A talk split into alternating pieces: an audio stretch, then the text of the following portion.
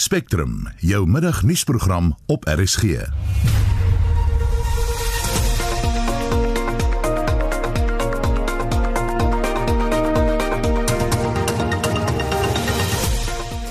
Goeiemiddag en in die program die DIA gaan voort met sy hofstryd om strande in die tuinroete te heropen, maar daar's diegene wat saamstem dat strande gesluit moet bly. Ons hoor binnekort van hulle. Meer as 40% van die bevolking moet noodgedwonge kos op skuld koop en ons plaas die kollig op hernieude oproepe om die doodstraf in te stel teen die wat hulle skuldig maak aan geweld teen vroue en kinders. Ons het nou so 25 jaar is die doodstraf nie meer met ons nie en daar's natuurlik baie sterk argumente vir dit en ook argumente daarteenoor.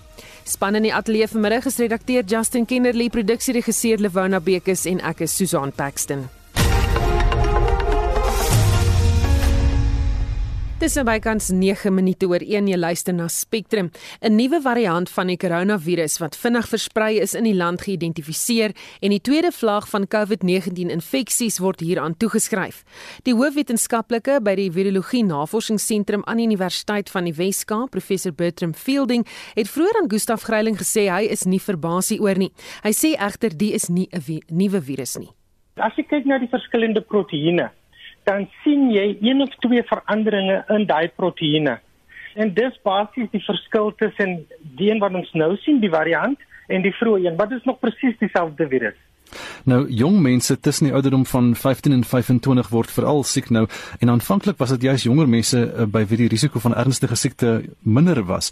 Ehm um, en nou is dit hulle wat wel ventilators nodig het. Hoe verander dit ons benadering tot die virus en gaan dit hier oor dat die variant jong mense teiken of gaan dit oor jong mense se gedrag? So 3-4 maande terug in Europa was dieselfde gesprek um, gehad en dit lyk asof hierdie virus mag miskien vinniger versprei maar dit is nie spesifiek tot die jonger mense nou nie. Ek dink dis die jonger mense wat se gedrag verander het. En ons moet onthou, ons het 'n baie goeie voorbeeld van koronavirusse wat honde besmet. En hierdie tipe uh, koronavirusse muteer ook, maar hulle raak nie dodeliker nie. Hulle kan makliker versprei tussen honde, maar selfs die enstof wat nou al vir dekades gebruik word, is nog effektief. So dit is baie natuurlike proses wat ons op die oomblik sien vir hierdie koronavirus. Ons praat van hoe vinnig die virus versprei en hoe beheer mense dit? Gaan dit oor mense moontlikse onwilligheid om heeltemal te voldoen aan die maatreëls of is of is hierdie 'n infeksie 'n manier van hoe om jou te besmet sterker basies? Dit is nog te vroeg om te sê. Dit kan wees wanneer jy kyk waar hierdie mutasie is, dis in die proteïen wat die besmetting van die mens veroorsaak, maar dis nog te vroeg om te sê. Ek dink nog baie soos dieselfde in Europa 3-4 maande terug is dit baie ons gedrag wat verander het. So groter groepe mense, die maskers wat nie gedra word nie, die was van die hande wat nie uh, gebeur nie. En ek dink dis hoekom ons 'n groter en vinniger verspreiding van hierdie virus sien. Maar dit is nog te vroeg om te sê of die virus self hierdie mutasie die virus makliker laat versprei of nie. So 'n pandemie vooruit en daar's nou kommer dat daar druk op hospitale gaan toeneem uh, na die vakansietyd en dat die sterftesyfer ook vinniger gaan beklim alles uh, so so 'n paar weke weet na, later. Ek dink ons sal nog baie hoër getalle sien. Ek dink nie ons sal hoër getalle sterftesyfers sien nie. As jy kyk na die wêreld by 'n sterftesyfer, dit het baie verplat. En uh, ons kyk nou na 'n sterfte syfer wêreldwyd van iets soos 2%. As ons kyk na die infeksie sterfte syfer, dan is dit iets soos 0.6% wêreldwyd. Mm -hmm. So uh, ek dink ons weet genoeg om hierdie virus te beveg in hoë risiko mense, maar ek dink ons sal die die verspreiding, die spoed waarteen dit versprei. Ek dink dit dis wat ons sal moet teken en afplak. So mense kan nie sê dat hierdie nuwe mutasie of variant meer dodelik is nie. Definitief nie. Die dodelikheid van hierdie virus word uh, beheer deur different proteïene. En hierdie virus het omtrent 5 tot 9 verskillende proteïene. Hmm. En die proteïen waar wat, wat die wetenskaplikes nou van praat, word slegs deur die virus gebruik om binne in die die menslike sel te kom. Ja. So binne in die gasheerse sel. Die ander proteïene Daar is mutasies, maar dit lyk soos mutasies wat nog nie belangrik is nie. Maar moet ons ook bang wees om so vreeslik ingeperk te word nou weer? Gustav, as ons nie as 'n populasiegroep ons gedragspatrone verander nie, sal ons mediese stelsel weer oorval word deur gevalle. En dis wat die minister en die en die president konstant sê. Ons moet ons gedragspatrone verander. As ons hospitale te vol is, kan ons nie mense help nie en ons weet genoeg om lewens te beskerm nou met met hierdie virus. So ons sal definitief oor die volgende week of so ons gedragspatrone baie baie moet aanpas. En en die hele kwessie van die strande wat wat wat toe is, uh, stem jy saam? Is dit is dit 'n is dit 'n risiko daar? Ek was nog nooit 'n fan van strande toe maak nie. Mm. Jou jou kanse buite is baie baie laer as om die besmette word binne. So uh, ek is nie um, ek is nie 'n fan van intap of um, grendeltye nie. Maar as jy die strande toemaak, maak dit nie sin dat jy jou winkelsentrums oophou nie, want die kans binne in die winkelsentrum is baie groter. Want jy het 'n verskriklike groot getal mense binne in winkelsentrums wat nie hulle maskers korrek dra nie. So dit dit strek nie eintlik vir my nie. En dit was professor Bertram Fielding, die hoof wetenskaplike by die Virologie Navorsingsentrum aan Universiteit van die Wes-Kaap en hy het op Monitor met Gustaf Greiling gepraat. Nou ons bly by nuus oor die pandemie. Die DEA sleep die regering vandag hof toe oor die besluit om strande langs die tuinroete te sluit. Die Independent Civics Organisation of South Africa of terwyl ICOSA word beskou as 'n prominente politieke rolspeler in die Suid-Kaap. Die party steen gunste van die sluiting van strande en ons praat nou met ICOSA se Wes-Kaap leier eh, David Kamfer wat ook uh, Mosselbaai se staats uh, stadsraadslid is. Goeiemôre da David. Goeie goeiemôre, goeiemôre luisteraars. Waarom is julle ten gunste van die sluiting van strande? Ja, dis dan uh, uh, kyk die kouse is is is dis die gunste om om een rede, maar miskien moet ek begin, Susan. Ons besef en ons ons ons wil graag hê mense moet kom vakansie hou en mense moet almal wil graag op vakansie en almal wil by die see wees. Ons verstaan dit en daarom uh uh, uh ondersteun die kouse uh, uh dit. Maar as ons kyk en en en en dat dat ons se mense op die stadium sterf is 'n werklikheid. COVID-19 is 'n werklikheid. En die feit dat die president gesê het die strande moet toe wees, respekteer ons dit juis in die sin van dat daar soveel mense Mosselbaai uh um binnestroom, die Suid-Kaap binnestroom, sê ons ja, ons respekteer die die die die die besluit van die president rondom die sluit van uh strande. Ja, die afgelope naweek besoek afgelê aan die gewilde Santos strand in Mosselbaai. Wat was jou ervaring daar? So my my ervaring was die arrogantheid van mense om nie reëls te na om om reëls nie na te kom nie, wat het my verstand te bowe gegaan. Uh op op Santos strand was daar mense ek moet sê ek moet hulle plein bietjie die wat gekom het met maskers opgehad, maar die wat op die strande was, het het het het, het niks gehoorsaamheid uh gegee nie. Ek was so ver, ek was polisie toe om te vra maar uh dat was as as wetgewing mense mag hier kom nie. Die antwoord aan aan aan die polisie aan my was gewees, uh maar die burgemeester um het gesê strande is oop. Ek het persoonlik met die burgemeester gepraat en hom gesê meneer, u het 'n verwarrende boodskap op Facebook gesit op 'n online waar u verwarring skep vir mense oor die besluit wat die president gemaak het met die dat strande toe moet wees.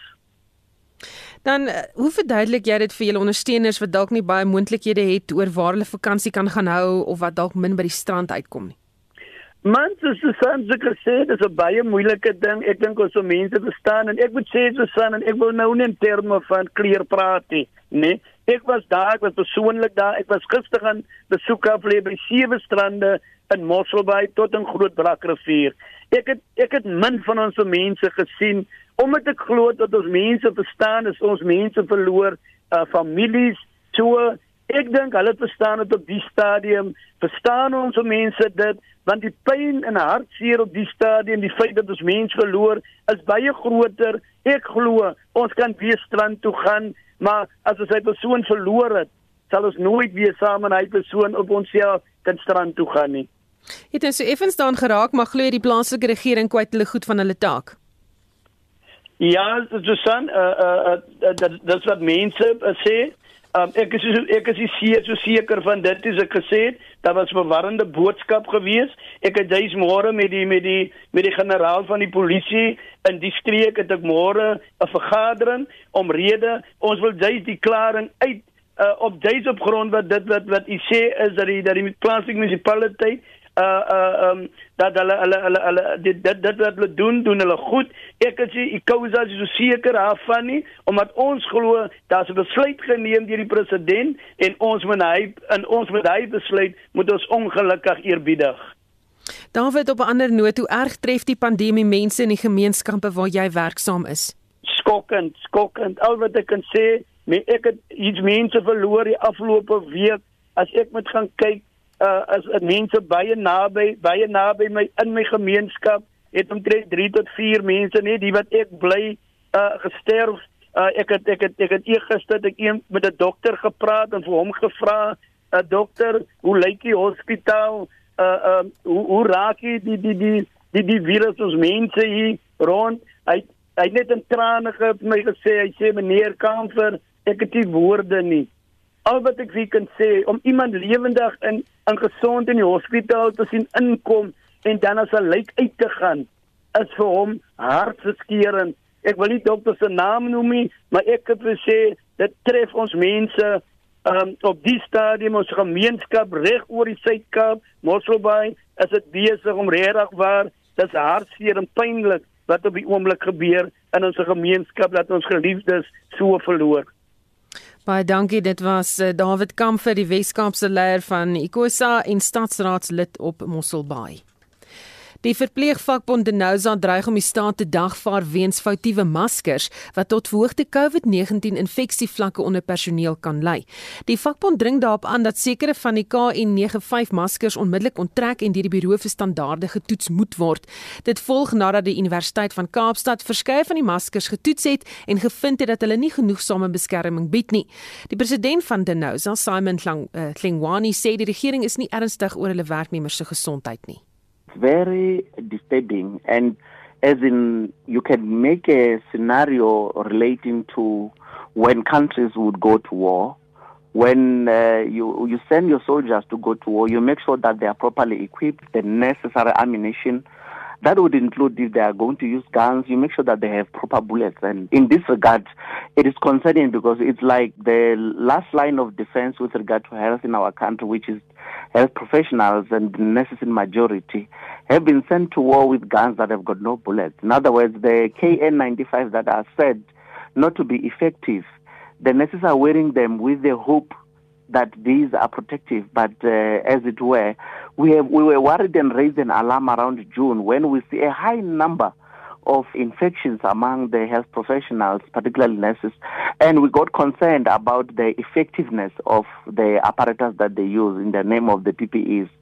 And indeed, it is very, very disturbing because this means we can call it genocide because how can you send somebody to a death row and you still call yourself an, a proper employer? Klingwani verduidelik die verskil tussen die twee maskers. Well, what we know is that the N95 which is uh, normally the one that would have been used in the past and it was uh, available but not available in large numbers and utilized uh, most of the time but it would be utilized in certain areas like when you are in the extreme drug resistance TB or highly infectious areas they are said to be around 99% effective in the protection of cross infection or even getting infected from the treatment. And the KN95, which is partly what has been majority has been uh, largely introduced currently because of the shortage of the N95 during the COVID-19. It is said it is around 90, 95% uh, effective. So it's a bit less than the, the, N, the N95.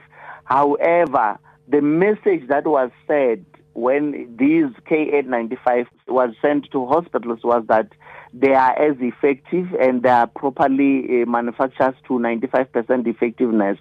And uh, the research has just proven to us that most of those KN95 that were distributed in hospitals, they were not even properly registered with a regulatory body or tested. En dit was die president van Denosa Simon Klingwani. President Cyril Ramaphosa het prestasieteikens aan sy kabinet gestel waarteen hy hulle teen 2024 sal evalueer. Die ooreenkoms is in die staatskoerant gepubliseer en sommige meen Ramaphosa is nou nog 'n stap nader daaraan om regeringsamptenare verantwoordbaar te hou. Vir sy mening sluit 'n politieke ontleder van Universiteit Pretoria, Roland Henwood, nou by ons aan. Goeiemôre Roland. Goeiemôre Susan. Die president het in Februarie tydens die staatsrede aangekondig dat hy van plan is om die teikens in te stel. Hoekom het dit so lank gevat om dit in plek te kry? Uh, ek kan nie vir jou presies sê nie, maar my vermoede sal wees dat die onderhandelingsproses waarskynlik langer gevat het en dan vermoed ek die gebeure van 2020 met hom waarskynlik ook so 'n bietjie in die wiele gery. Nou, wat beoog hy hiermee? Daar's twee beginsels. Die een is dat elke individuele minister aanspreeklik gehou moet word om te doen waarvoor hulle aangestel is en daai aanspreeklikheid is teenoor die president as die persoon wat die kabinet aanstel en die hoof van die uitvoerende gesag maar dit word baie duidelik in die ooreenkomste gestel dat dit ook aanspreeklikheid teenoor die parlement is. So wat ek daarin lees is hierdie ooreenkoms is nie net tussen twee individue nie. Die ooreenkoms word ook voorgelê in die parlement en parlementslede kan teruggaan na die ooreenkoms en vir die minister sê, "Maar wat het jy gedoen?" En dan is daar 'n klompie aspekte wat hier uitvloei. Die eerste een is dat mense kan sien hoe presteer die minister. Daar's baie meer spesifieke doelwitte wat gestel is. Jy moet 125000 werksgeleenthede skep. Jy moet 6 streeksontwikkelingsprogramme finaliseer en in plek hê. Ehm um, die waterskemas moet op hierdie datum moet dit gebeur, moet dat gebeur. Daar's 'n hele lys van hulle. So so daar's spesifieke prestasiedoelwitte wat gestel word. Dit word bekend gemaak. Die minister kan met antwoorde nie nou wegkruip agter so 'n va beskrywing van ek is die minister van polisie en ons het hierdie jaar so goed gedoen met misdaad nie. Want nou word daar gesê jou prestasievlak nou is 50% van byvoorbeeld korrupsie in die privaat sektor en in die openbare sektor klagtes word hanteer. Teen 2024 moet dit 90% suksesvolle vervolging wees en die sake moet afgehandel wees. So die minister het nou baie spesifieke doelwitte. Almal weet hierdie minister presteer of hierdie minister praat net. Dit beteken jy's aanspreeklik, jy kan gemeet word. Wat nie duidelik is nie is wat word met jou gedoen gebeur as jy dit nie doen nie. Ek wil nou vir jou vra, hoe suksesvol dink jy gaan hierdie wees? Dit gaan afhang van hoe seker en hoe sterk die president voel wanneer daar nie doelwitte bereik word nie en dit gaan afhang van hoe sterk die parlement gaan optree in hierdie funksie. Ons moet onthou dat dis 'n partytetiese verhouding wat bestaan en die parlement word regeer deur dieselfde party wat die uitvoerende gesag, dis nou die kabinet beheer. En dis die leiers van daai parlement wat in die kabinet sit van daai politieke party wat die meerderheid het. So daai verhouding gaan baie belangrik wees. Word dit net eenvoudig nog 'n oefening waar as ek die woord mag gebruik we are ticking boxes met alweer ons tik die blokkies dat ons dit gedoen of is dit 'n oefening waar daar werklik gekyk word na aflewering en daar stappe geneem word indien jy nie aflewer nie. En dan is die stappe belangrik. Word daar vir jou gesê jy het nou nie presteer soos jy moet nie, ons gaan jou heroplei of ons gaan jou ander vermoë gee of word daar vir jou gesê jy het sover nie dit gemaak nie dat ons jou afdank. Baie dankie. Dit was 'n uh, politieke ontleder van Universiteit Pretoria, Roland Henwood wat met ons gepraat het. Die voorsteur van die kommissie van ondersoek na staatskaping, adjunkregter Raymond Zondo het kort voor Spectrum die media toegespreek oor die kommissie se vordering tot nou toe. Ons verslaggewer Ntebo Nkobo het die verrigtinge dopgehou. Good afternoon Ntebo. Good afternoon Susan and uh, to the listeners. What are the highlights of Justin of Justice Raymond Zondo's briefing earlier? Well, uh, Susan, as expected, obviously, uh, the the, com- the chair of the commission uh, was expected to really uh, speak about uh, the work that has been done and, of course, the work that is still outstanding for the Commission. Uh, you would recall that I mean, a number of work indeed has been done, especially on SOEs. It's only a few witnesses that are still outstanding, especially uh, from the SAA and Transnet, just to come and uh, ESCOM, just to come and finish off the, the work that has been done for the latter part of this year in terms of the uh, uh, testimony, as you would recall that. I mean, the, this thing started some time ago, but a lot of work has been done. Only few people are, are still expected. You would recall that. I mean, today, the justice, I mean, the chief justice uh, even spoke about the president of the republic and the president of the ANC, President Cyril Ramaphosa, having to appear before him sometime next year between January and February, because you would recall that I mean, uh, from next year around March, uh, the commission was expected to wrap up its work by March next year. but because of the hard lockdown, you recall from March this year there was a hard lockdown and no uh, activity really happened in terms of the commission and its work, and uh, therefore the commission had to ask the High Court, has to has to approach the High Court to ask for another three month extension. So uh, they will be approaching the court for a three month extension, and the extension would obviously move from uh, uh, April, May, and June. So it is expected that the work of the commission would be completed by June. But first two months of the the, uh, the new year, that is 2021, uh, the president of the republic is expected to appear. You will recall that President Ramaphosa doesn't really much that uh, points to him as uh, compared to I mean, former President Zuma. But at some point, he was part of the executive. He was the deputy president of the ANC, and ultimately became the president. I mean, the deputy president of the country. So that on its own uh, he has to shed light in terms of what happened under his guise. How much money was spent on the commission so far? Well, so far, uh, the, the, I mean, the chief, the, the deputy chief justice said they've spent all, almost over uh, seven hundred thousand, up to around eight hundred. I mean, eight, six, seven hundred million, up to eight hundred million. So almost eight hundred million rent has been spent on the commission. But uh, I think he was taking solace in the fact that. Uh, you remember that I mean, at some point McKenzie vowed to pay back around 650 million rent that it had. Uh, that it uh, received from SAA and Transnet. So that money on its own will be used to sort of cushion the money, the taxpayers' money that was spent on the commission. 800 uh, million rand and 650, 650 million rand would be coming from McKenzie. So that on its own will sort of cushion the impact on the taxpayers.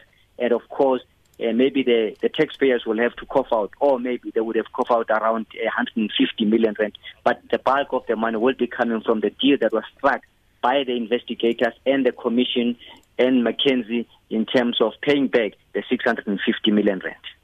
Baie dankie, dit was ons verslaggewer Ntebo Mkobo. Jy luister na Spectrum elke weekmiddag tussen 1 en 2.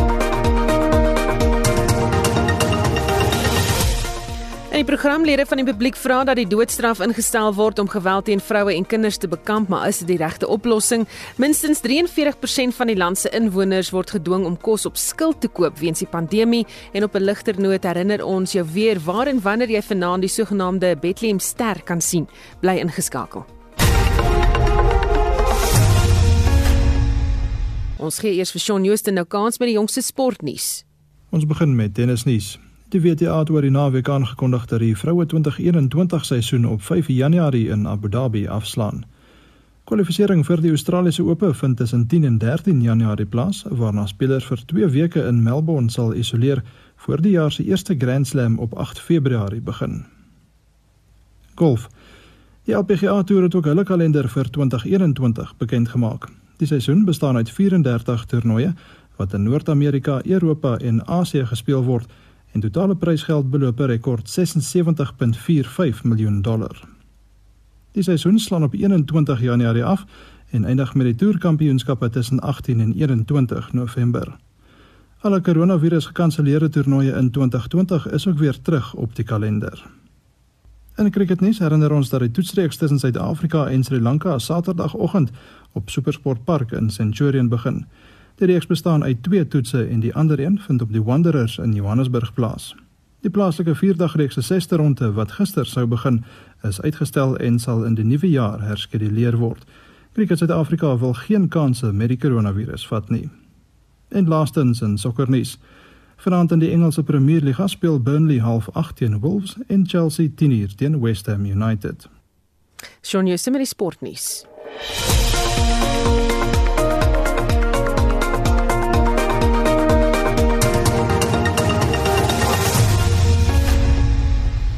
1333 jy luister na Spectrum. Nog 4 mense is in hegtenis geneem in verband met die omstrede Limpopo behuisingsprojek wat die aantal verdagtes in die saak op 6 te staan bring. Hulle is die afgelope naweek in verskillende dele van Johannesburg in hegtenis geneem, Winsin Mofokeng berig. Die verdagtes het na bewering ingestem dat die maatskappy Aventino Groep die Talana tydelike wooneenhede bou sonder dat die regte prosedure wat die dokumentasie betref gehandhaaf is die Valke se woordvoerder in Limpopo, kaptein Matimba Maluleka. We have arrested more suspects on Talani housing project fraud case. On Friday, our serious corruption investigation members descended on four bid evaluation committee members from Housing Development Agency in Johannesburg. The suspects, who are between the ages of 35 and 43, allegedly vouched for Aventino Group CC company to construct the housing units without thoroughly checking the validity of the documents submitted. Dit blyk nou dat die slordige sinkhuise wat opgerig is, elk sowat R64000 per eenheid kos. Die bedrag is veel hoër as ander mededingers in die mark. Tydelike wooneenhede wat die regering gesamentlik 2,4 miljoen rand gekos het, het ook nie voldoen aan die ontwerp spesifikasies nie. The suspects will appear in the Zanin Magistrates Court on Monday to face multiple charges of fraud. This brings the total number of arrested suspects to 7.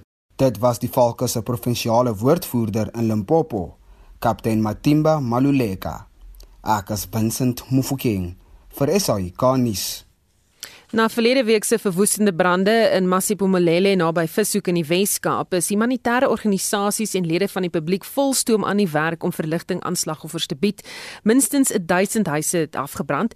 Stootskrapers en spanne van die stad se afdeling vir soliede afval is verder besig met opruimingswerk. Die regeringsorganisasies in die omgewing vra vir kos, klere, babadoeke en melk vir babas. Weer Winsin Mofokeng. Die stad sê dat die opruim van die gebied na verwagting tot volgende week sal voortduur.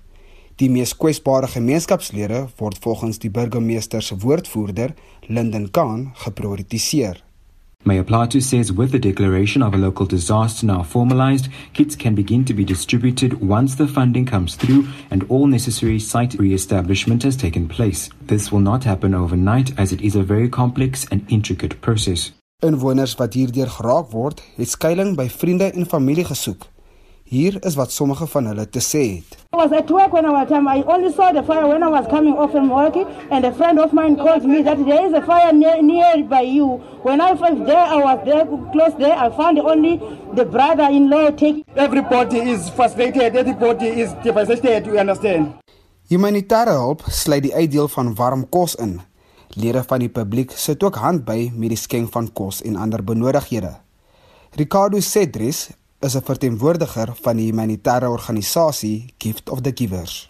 For 4000 people who are homeless, 1052 shacks is the official count. 4000 people plus perhaps it's not nearly enough. Maar met meer as 4000 mense in nood, doen hulpagentskappe steeds 'n beroep op donasies. Die verslag van Mlamli Maneli in Kaapstad, Vincent Mofokeng, SAK-nuus. 'n Onlangse peiling deur die persoonlike geldsaake webwerf Just Money dui daarop dat 'n toenemende aantal Suid-Afrikaners skuld aangaan om kos te koop. Die COVID-pandemie is een van die bydraende faktore en ons praat nou hieroor met Karla Oberholse, beraader en skakelbeampte van die maatskappy DebtSafe. Goeiemôre Karla. Goeiemôre Susan en ook al die luisteraars. Nou Sarah Nicholson van Just Money beskryf die situasie as onrusbarend. Hoe sou jy dit beskryf? Dit is regtig dit laat nie met jou hartsnare op die verkeerde snare roer nie maar en dit is nogal regtig kommerwekkend. Nou, wat sê dit as die grootste gros deelnemers aan die peiling gebuk gaan onder persoonlike lenings en kredietkaartskuld? Jong, dit is die eerste ding waarna uh, mense gryp as jy sou sê die gevaartekens. Ehm um, wanneer mense basies nie weet ehm um, wie hulle krediteure is nie en ehm um, lenings probeer aangaan net om in daai spesifieke maand te kan uitkom. Ehm um, Susan, dis regtig kommerwekkend en dit is wat ek die tendens wat ek nou sien in ons industrie ook. Nou die meeste deelnemers het ook aangedui dat hulle almal minstens een keer, jy weet, die jaar, afgelope jaar nie hulle skuld kon betaal nie. Wat is die impak hiervan? Jong, dit is dit het natuurlik 'n effek op jou kredietrekord en reeds. Um, en ek ek sien ook in daardie um, just money vrae het mense gewys dat hulle um, nie noodwendig um, wil om te hulp gaan en iemand kry om hulle te help rakende hierdie nie. So dit is reg kommerwekkend. En sodra dit natuurlik een rekening is, dan gaan dit na die volgende rekening, volgende rekening. En dan so is dit ook 'n spiraal ehm um, wat natuurlik uit beheer uit ehm um, ja gaan. In Januarie is om die draai, hy het natuurlik 5 maande in hierdie 1 maand wat finansies aanbetref. Ons moet daai grappies wat so rondgaan. Hoe vir my mense die algemene sogenaamde Januarie, ehm um, jy weet scenario.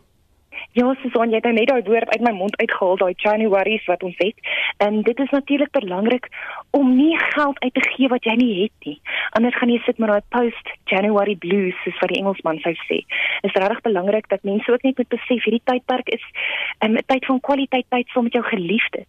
En hierdie jaar was reeds vir ons finansiëel en psigies en emosioneel baie uitdagend geweest. So ons moet nie ehm um, goed doen wat ons net nog meer in die finansiële knorsing um, kan inkry nie. En wanneer ons saam met ons geliefdes is hierdie ehm um, tydperk nou voor Januarie is dit is dit belangrik om goed minimaal en bekostigbaar te hou en ons moet kreatief begin dink oor dinge. En wanneer mense praat van jy moet leer om te rus en nie om tou op te gooi nie, is dit ook natuurlik daardie ehm um, daai self-care of jy weet om na jouself te kyk ehm um, in daardie tyd en dit sluit in jou finansies want anders te ehm um, gaan dit ook met natuurlike hoë stresvlakke gepaard en jy begin jou 2021 op 'n baie baie angstige noot. Baie dankie, dit was Karla Oberholse van die skuldberaadingsmaatskappy DebtSafe. Landbou in Suid-Afrika is die een sektor wat beswaarlik kan kla oor die jaar 2020 ten minste van die ekonomiese krag daarvan. Maar aan die ander kant leef boere en plaaswerkers daagliks in vrees vir die moontlikheid van plaasaanvalle. Ons praat nou hieroor met die Oos-Vrystaatse boer en rubriekskrywer oor landbou sake vir News24 Dan Kriek. Goeiemôre Dan. Goeiemôre Susan.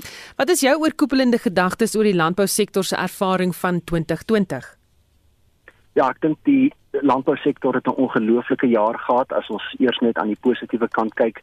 Uh ons het die inperkingsmaatreëls gehad um, wat afgekondig is in die landbousektor het die verantwoordelikheid gehad om die, om die hele land kos te gee en dan natuurlik ook om die onvoorsiene gevolge van die inperking wat dit op die informele voedselsektor gehad het te hanteer en ek dink die landbou het uitstekend gedoen. Uh ons is nou vir die derde agtereenvolgende kwartaal ehm um, een van die top ehm um, ehm um, uh, sektore in die in die ekonomie.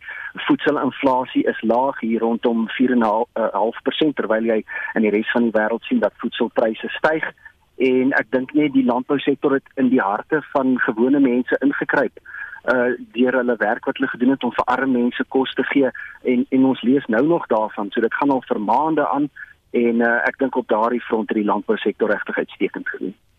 Maar aan die ander kant van die munt is misdaad, vee diefstal en plaasaanvalle steeds aan die toeneem.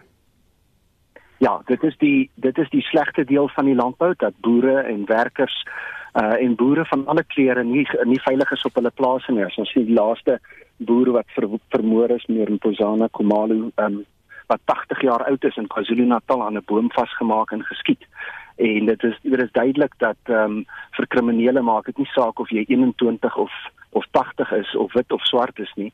Ehm um, as jy in hulle teiken is, dan is dit so. So dit is die slegte deel, maar ek dink uh daar is geen ander oplossing vir die landbousektor as om met die met die minister van polisie, met die polisie saam te werk soos wat die boere daar in die Senekal omgewing vir ons gewys het 'n mens kan doen. Dis al maniere hoe ons regtig uh die misdaadgolf wat ons wat ons um, ervaar te bowe gaan kom. Jy skryf ook die landbou sal homself slegs in oneer bring indien iets onbesonde aangevang word. Wat bedoel jy daarmee?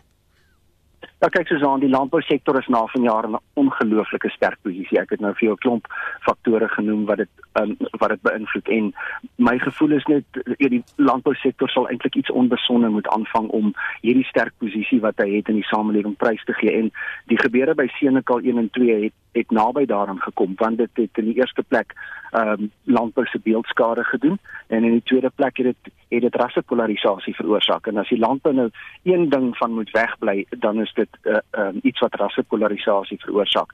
Ons moet werk aan inklusiwiteit om die sektor inklusief inklusief te laat groei. Hierdie groei syfers wat ons noem, dit moet inklusief word. Met ander woorde, meer mense in die, in die land moet uh, um, moet daaraan kan deel hê en dan moet ons werk aan sosiale kohesie. Ehm um, plaasaanvalle en en en geweld op plase word deur alle Suid-Afrikaners gedeel. So ons kan nie ons kan nie bekostig om gepolariseer te wees op iets wat ons almal raak nie. En wat is jou vooruitskattinge vir volgende jaar? Wel ek dink ons gaan ons gaan op die positiewe front meer van dieselfde sien. Dit dit reën pragtig oor die oor die grootste deel van die land. Ons het die beste begin aan 'n seisoen gehad wat ons in 'n lang tyd gehad het. So ek dink ons kan weer eens sê dat uh, wel is nog te vroeg om te sê nê maar uh, alles lyk belovend. Ek dink die landbousektor gaan sy goeie prestasies voortsit. Ek dink ons gaan genoeg genoeg kos hê soos wat ons hierdie jaar het om selfs ons buurlande weer te kan help. En uh, ja, ek dink meer van dieselfde. En dan dink ek uh, ons moet die ons moet die negatiewe aspekte moet ons inklusief uh, moet ons dit aanpak en uh, ons kan net nooit moet opgee daarmee nie. Baie dankie dit was Dan Krieke boer en 'n rubriekskrywer oor landboukwessies vir News 24. Suid-Afrikaanse wetmakers gaan nie die doodstraf terugbring nie ten spyte daarvan dat lede van die publiek dink dit is die enigste manier om die geweld teen vroue en kinders te stop. 'n Lid van die publiek, Wasila Jardine, het in 'n brief aan die parlement gevra dat die grondwet hersien moet word om die doodstraf weer toe te laat om die geweld en moord op vroue en kinders stop te sit. Die voorsitter van die konstitusionele hersieningskomitee, Enoch Mtetwa, het tydens die hersieningsproses gesê die kwessie is nie so eenvoudig nie. Professor Pieter Dievenage, dekaan van die departement van geesteswetenskappe by Akademia sê die regering en burgery moet weer saam staan om wet en orde in die land te herstel eerder as die terugbring van die doodsvonnis. Kyk ons grondwet is daar teen, maar ek wil net so een stapie teruggaan voordat ek vir die uh, wat ek uh, uitkom by die argumente vir en teen die doodstraf, jy weet. En jy weet natuurlik en ek hoop ons luisteraars ken die geskiedenis dat ons het die doodsvonnis gehad tot Februarie 1990 en toe was daar 'n moratorium van so 5 jaar en toe in 1995 in die saak, dit was op 6 Junie 1995, staat versus uh, Makwanyana of Makwanyane uh, is die doodsvonnis opgehef. So ons het nou so 25 jaar is die is die doodstraf nie meer met ons nie en daar's natuurlik baie sterk argumente vir dit en ook argumente daarteen. Kom ons kyk na die argumente vir en teen dit want ehm um, daar's baie mense wat teen dit is en baie wat uh, wat ek mense wat sê maar luister dis al hoe ons uh, misdaad in hierdie land gaan stop sit. Ja, kyk, die groot uh, argumente vir die doodstraf is natuurlik die misdaad wat totaal buite beheer is en ek dink nie een Suid-Afrikaner sal dit kan enigsins ontken nie. Uh ons weet hoe hoog is ons moordsyfer en so meer geweldsmisdaad en al die dinge totaal buite beheer. Maar die groot vraag is gaan die doodstraf die oplossing daarvoor wees? Ehm um, en uh, gaan die doodstraf genoeg van 'n afskrikmiddel wees? Um, om dit aan te spreek. Uh dit is dan die argumente vir die doodstraf. Um, as mens nou kyk na die argumente teen die doodstraf, dan is daar 'n hele paar ehm um, en ek dink dit het ook uh, nou in die parlement seker gedien of dit is in die debat rondom uh die vraagstuk wat nou die laaste tyd weer opgevlam het. Uh as mens dan kyk na die argumente teen die doodstraf, is dit uit die aard van die saak in die grondwet, jy weet die beginsel oor lewe. Uh die enigste uitsondering, ek weet nie of jy dit weet nie, Susan is natuurlik hoogverraad in die geval van oorlog. Die grondwet sê nog daar kan nie doodstraf toegepas word. Ek weet nie of jy dit geweet het nie. Nee. Ehm um, maar in elk geval die die argumente dan teen die doodstraf is uh, eerstens hierdie grondwetlike kwessie, dan tweedens is daar ook die geskiedenis van die regering van die dag en hulle ervaring met doodstraf en hoe dit toegepas is veral op uh, politieke misdade, jy weet in die verlede. Uh derdens ehm um, is daar wêreldwyd ehm um, navorsing wat daarop dui dat doodstraf nie 'n afskrikmiddel is nie. En dan het mens natuurlik ook die kwessie van die arbitreëre besluitneming van regters, jy weet, dat baie keer in die verlede eh, was dit die geval dat 'n persoon um, het die doodstraf gekry en dan later blyk dit jy weet dat daardie doodstraf verkeerd was. Jy weet daar's nuwe empiriese bewyse of DNA, ehm uh, jy weet toetse en so meer. En dit beteken dan dat jy eintlik iemand ehm um, ter dood veroordeel het wat jy onskuldig ter dood veroordeel het. En die voordeel van ehm um, sê maar lewenslange tronkstraf as jy dink die persoon het dit gedoen dat jy kan dit weer omkeer. Jy weet wanneer bewyse later na vore kom dat die persoon was nie die moordenaar of of wat ook al nie. Jy weet dit is dan die argumente teen die doodstraf uh, as mens dit so kan stel. En ek wil net graag die die die finale punt maak in die opsig dat uiteindelik uh, gaan die argument nie vir my so sterk vir of teen die doodstraf nie, maar dit gaan vir my hoe ehm um, funksioneel en hoe doeltreffend is jou straf strafregstelsel. Jy weet, uh en hoe funksioneel is jou staat om daardie strafregstelsel te laat toepas? Want die ding is as jou staat baie funksioneel is en as die strafregstelsel baie goed funksioneer, dan weet 'n misdadiger as hy of sy hierdie misdaad gaan pleeg, is die kans sê maar 85% of 90% dat die polisie hom of haar gaan vang en dat hy of sy in verhoor gaan word. Maar wat gebeur in 'n staat waar jy in elk geval sê maar hipoteties die doodstraf het, maar die sukses van die strafregstelsel, die polisie vang omtrent net sê maar hipoteties 45% van die mense of die howe verhoor net 45% van die mense wat misdaad gepleeg het. Dan kan jy sien dan help dit eintlik nie dat jy die die doodstraf het nie want jou beide jou polisie en jou howe in die strafregstelsel is nie effektief nie. Hierdie was 'n uitroep van die eh, jy weet 'n lede of 'n groep van die publiek wat sê maar goed ons is desperaat hmm. op soek na 'n oplossing vir die geweld vir die misdaad in die land. So jy weet wat is die oplossings? Waarheen moet mense dan gaan? Wel volgens my argument sou ek wou aanvoer dat uh, die oplossing en ek verstaan absoluut die frustrasie van hierdie mense. Ek deel dit met hulle. Ek moet vir jou eerlik sê, maar ek dink die oplossing en, en en ek voer hier 'n meer, jy weet, 'n filosofiese argument. Die oplossing um, is meer in die rigting van 'n effektiewe strafregstelsel en nie uh, in die rigting van die terugbring van die doodstraf nie. En dit was professor Pieter Dievenage, dekaan van die departement van geesteswetenskappe by Akademia. As jy nou nog nie gehoor het nie, groot afwagting heers vir die sogenaamde Bethlehem ster verskynsel wanneer die planete Jupiter en Saturnus die naaste ooit vir die afgelope 400 jaar verby mekaar gaan beweeg. En vir meer hieroor praat ons nou met 'n buitengewone professor aan die NWU se sentrum vir ruimtenavorsing, Pieter Kotse. Goeiemôre Pieter. Hallo, goeiemôre Susan. So hoe verduidelik 'n mens die verskynsel in 'n uh, gewone menstaal? Ja, vir uh, vir 'n gewone observeerder of 'n waarnemer van die aarde af, sal dit lyk asof Saturnus en Jupiter eintlik bymekaar uitkom, maar eintlik is hulle basies omtrent 500 miljoen kilometer uitmekaar. Dit is afhanglik van hulle bane.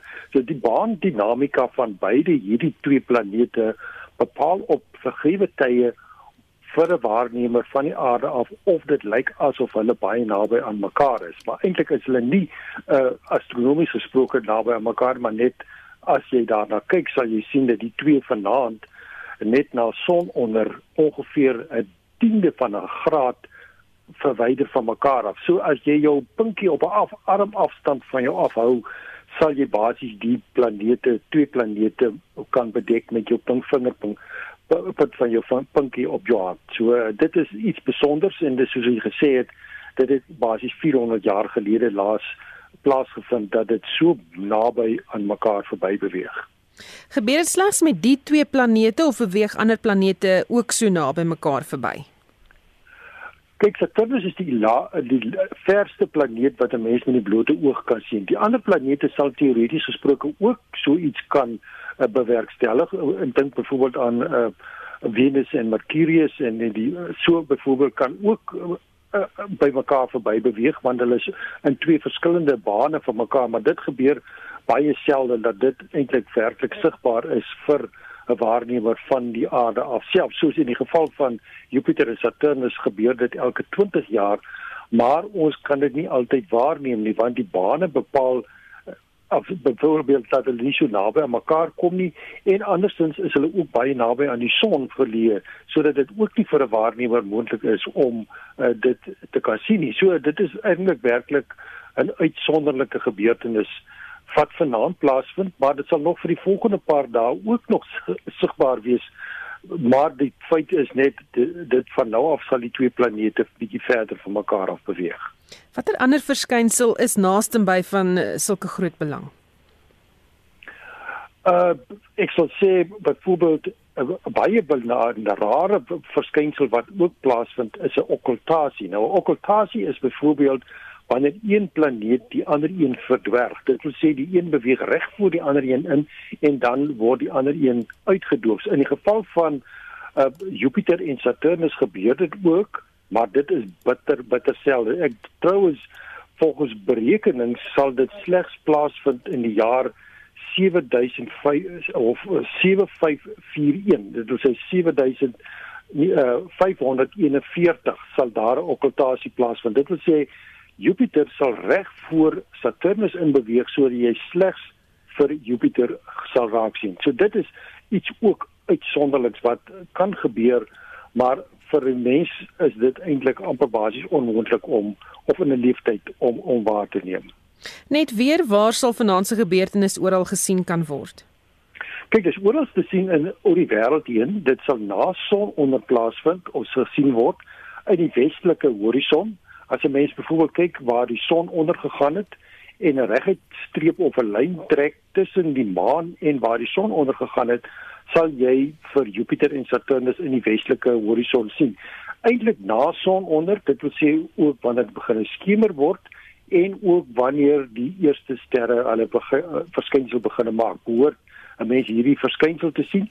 Die beste is natuurlik om met 'n verkyker of 'n klein teleskoop daarna te kyk, maar dit is ook vir die blote oog uh, sigbaar. Vir die blote oog sal dit lyk asof dit een uh hemelliggaam is, maar op 'n kleinerige uh, of 'n normale verkyker en 'n kleinerige teleskoop sal 'n mens wel 'n onderskeid kan tref tussen die twee planete.